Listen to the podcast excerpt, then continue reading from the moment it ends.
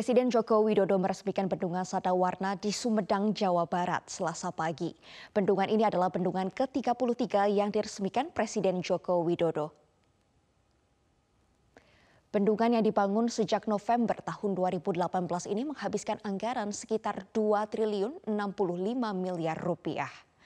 Bendungan dengan luas genangan 680 hektar akan mengairi kurang lebih 4.280 hektar sawah dari Kabupaten Subang hingga ke Kabupaten Indramayu. Presiden Jokowi berharap dengan pembangunan waduk ini bisa meningkatkan produksi beras di Kabupaten Indramayu sehingga 1,8 juta ton bisa ada produksi beras dari Kabupaten Indramayu. Bendungan Sadawarna membendung Sungai Cipunagara dengan kapasitas tampung 70,86 juta meter kubik. Bendungan ini ditargetkan mampu mereduksi 54 persen banjir debit atau 11,7 juta meter kubik yang dilalui daerah aliran Sungai Cipunagara. Waduk ini dengan luas genangan 600 80 hektar bisa mengairi kurang lebih 4.280 hektar sawah yang ada di bawah. Kita harapkan dengan banyaknya waduk-waduk yang telah dibangun di seluruh tanah air Indonesia, kita berharap produktivitas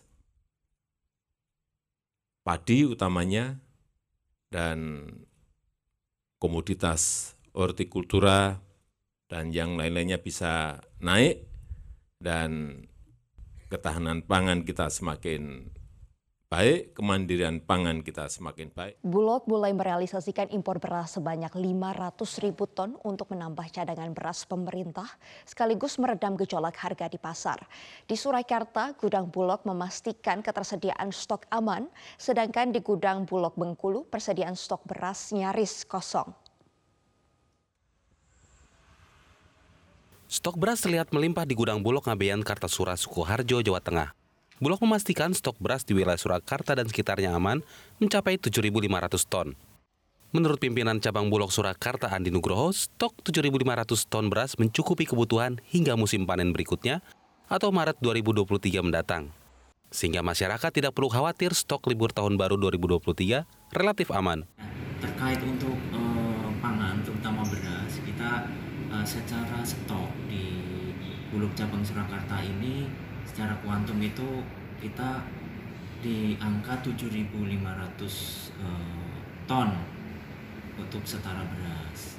Jadi dengan stok uh, jumlah stok tersebut itu tidak perlu dikhawatirkan terhadap ketersediaan dan juga mungkin antisipasi adanya uh, tahun baru maupun untuk momen Natal dan juga nanti sampai uh, adanya panen uh, di tahun depan di awal tahun depan. Jadi jika ada lonjakan harga, Bulog mengaku siap menggelar operasi pasar, baik langsung maupun bekerja sama dengan pemerintah daerah.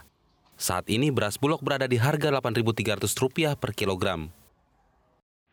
Sementara kondisi stok beras yang hampir kosong ini terpantau di salah satu gudang milik Bulog Bengkulu di Jalan Adamalik, Kota Bengkulu. Di dalam gudang ini hanya tersedia 150 ton beras yang bisa didistribusikan. Manajer Perum Bulog di Bengkulu Irfan Arpian mengatakan menipisnya stok beras di gudang Bulog imbas dari tidak optimalnya serapan beras petani yang dipicu musim panen gadu dan cuaca ekstrim. Eh, kita sudah minta tambahan stok itu sebanyak 2.000 ton. Ini posisi sedang eh, di, di Sumbar. Sebentar lagi akan sampai ke Bengkulu. Kalau tersedia saat ini di gudang berapa? Saat ini totalnya 150 ton. 150 ton. Itu mencukupi untuk akhir tahun. Cukup. Kan kita udah minta tambahan 2000 ton. Kalau Bengkulu itu berapa sih Pak itunya? Idealnya. Kebutuhannya? Nah, itu tidak tidak bisa di ini ya. Karena kan penyaluran e, rutinnya tidak ada, Pak. Saat ini Bulog di Bengkulu tengah meminta tambahan beras sebanyak 2000 ton yang berasal dari beras impor. Tambahan beras diperlukan untuk menjaga ketersediaan beras di Bengkulu yang dapat digunakan untuk menstabilkan harga melalui operasi pasar. Prospek minyak sawit kian menjanjikan seiring dengan meningkatnya permintaan global, khususnya dari Tiongkok. Namun prospek tersebut mengharuskan Indonesia memperbaiki tata kelola sawit seiring dengan transformasi menuju minyak sawit berkelanjutan. Dalam rangka mendukung industri sawit berkelanjutan, Tiongkok telah menunjukkan sejumlah inisiatif, salah satunya meluncurkan aliansi minyak sawit berkelanjutan Tiongkok di tahun 2018.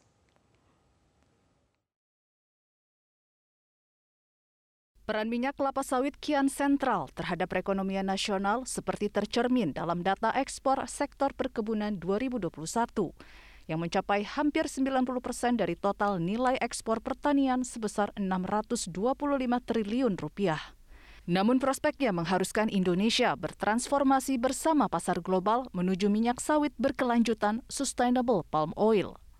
Head of Communication Gapki, Tovan Mahdi menyatakan peluang pasar minyak sawit Indonesia makin besar karena bisa menjadi substitusi canola oil selama pasokannya dari Ukraina dan Rusia tersendat akibat perang.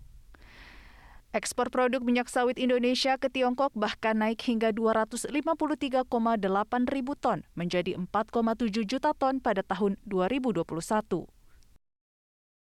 kita itu sudah konsisten saja industri minyak sawit ini dikembangkan tentu dalam dengan tata kelola yang berkelanjutan ya sustainable yang sustainable sehingga komoditas minyak sawit ini Indonesia ini bisa semakin diterima di negara-negara tujuan ekspor terutama di negara-negara maju. Karena memang diskriminasi terhadap uh, komoditas minyak sawit ini sering kali datang dari negara-negara maju. Kalau uh, negara-negara pasar utama kita seperti RRC atau India atau Pakistan mereka sih uh, tidak terlalu demanding uh, seperti negara-negara maju Eropa, Amerika dan lain sebagainya. Nah ini ini adalah tantangan dan kita tahu bahwa Indonesia juga sudah punya mandatory certification terkait dengan sustainability ada ISPO ya namanya Indonesian Sustainable dan itu adalah peraturan pemerintah yang diwajibkan kepada serat seluruh pelaku usaha kelapa sawit dan juga petani kelapa sawit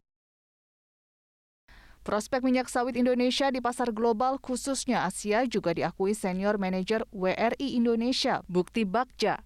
Namun Bakja mengingatkan sejumlah PR besar yang harus segera diselesaikan Indonesia seiring transformasi pasar menuju minyak sawit berkelanjutan sustainable palm oil.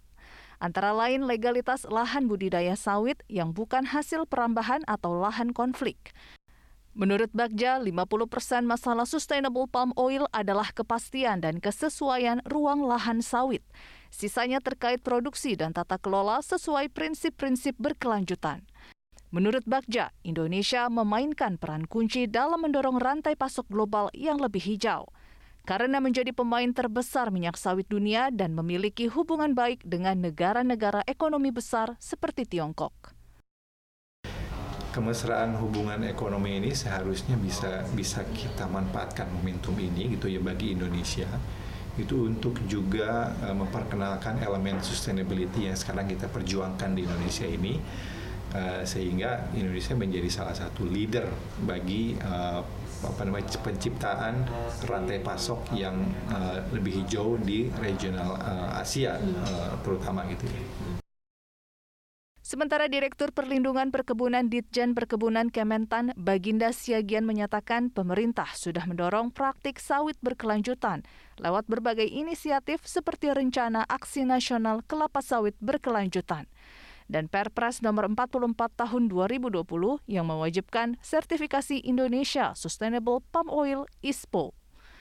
Baginda yakin target sustainable palm oil untuk 16,38 juta hektar lahan tutupan sawit bisa dicapai pada tahun 2025. Demikian pula penerimaan pasar global terhadap sertifikasi minyak sawit berkelanjutan Indonesia ISPO. Saya yakin dengan kolaborasi ini nanti semua dan kemudian perbaikan-perbaikan tata kelola ke depan ini masih bisa kita kejar di tahun 2025 nanti. Jadi kalau hitungannya dari 16,38 juta hektar itu baru sekitar 3,8 juta hektar yang sudah terispokan.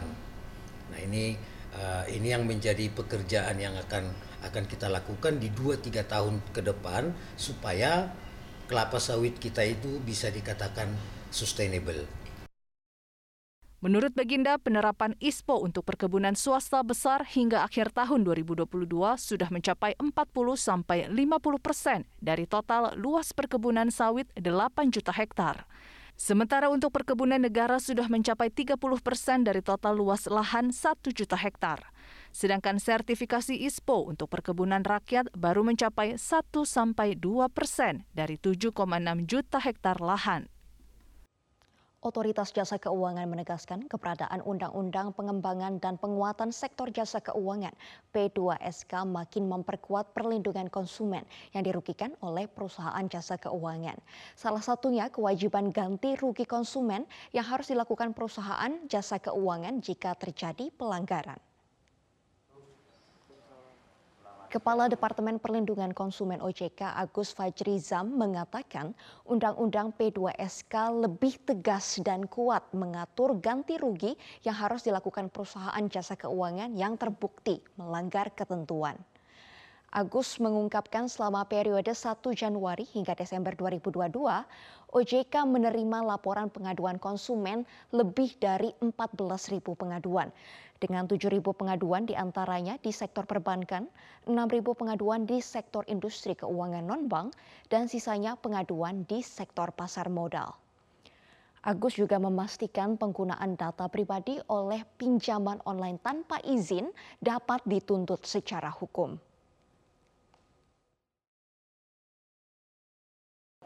Undang-undang yang lama itu kan tidak secara tegas mengatakan yang namanya itu kondak perilaku itu ada cuma bau-baunya doang. Nah tapi di sini di ketentuan yang baru ini jelas kondak itu disebut ada kondak itu kondak itu. Ini sudah tegas itu. Termasuk juga yang tadi yang tadi saya bilang apa undang-undang perlindungan data pribadi itu menegaskan loh. Jadi kalau data kita dipakai tanpa izin kita wah kena tuntut ya selama ini kan yang pinjol-pinjol itu kan main data orang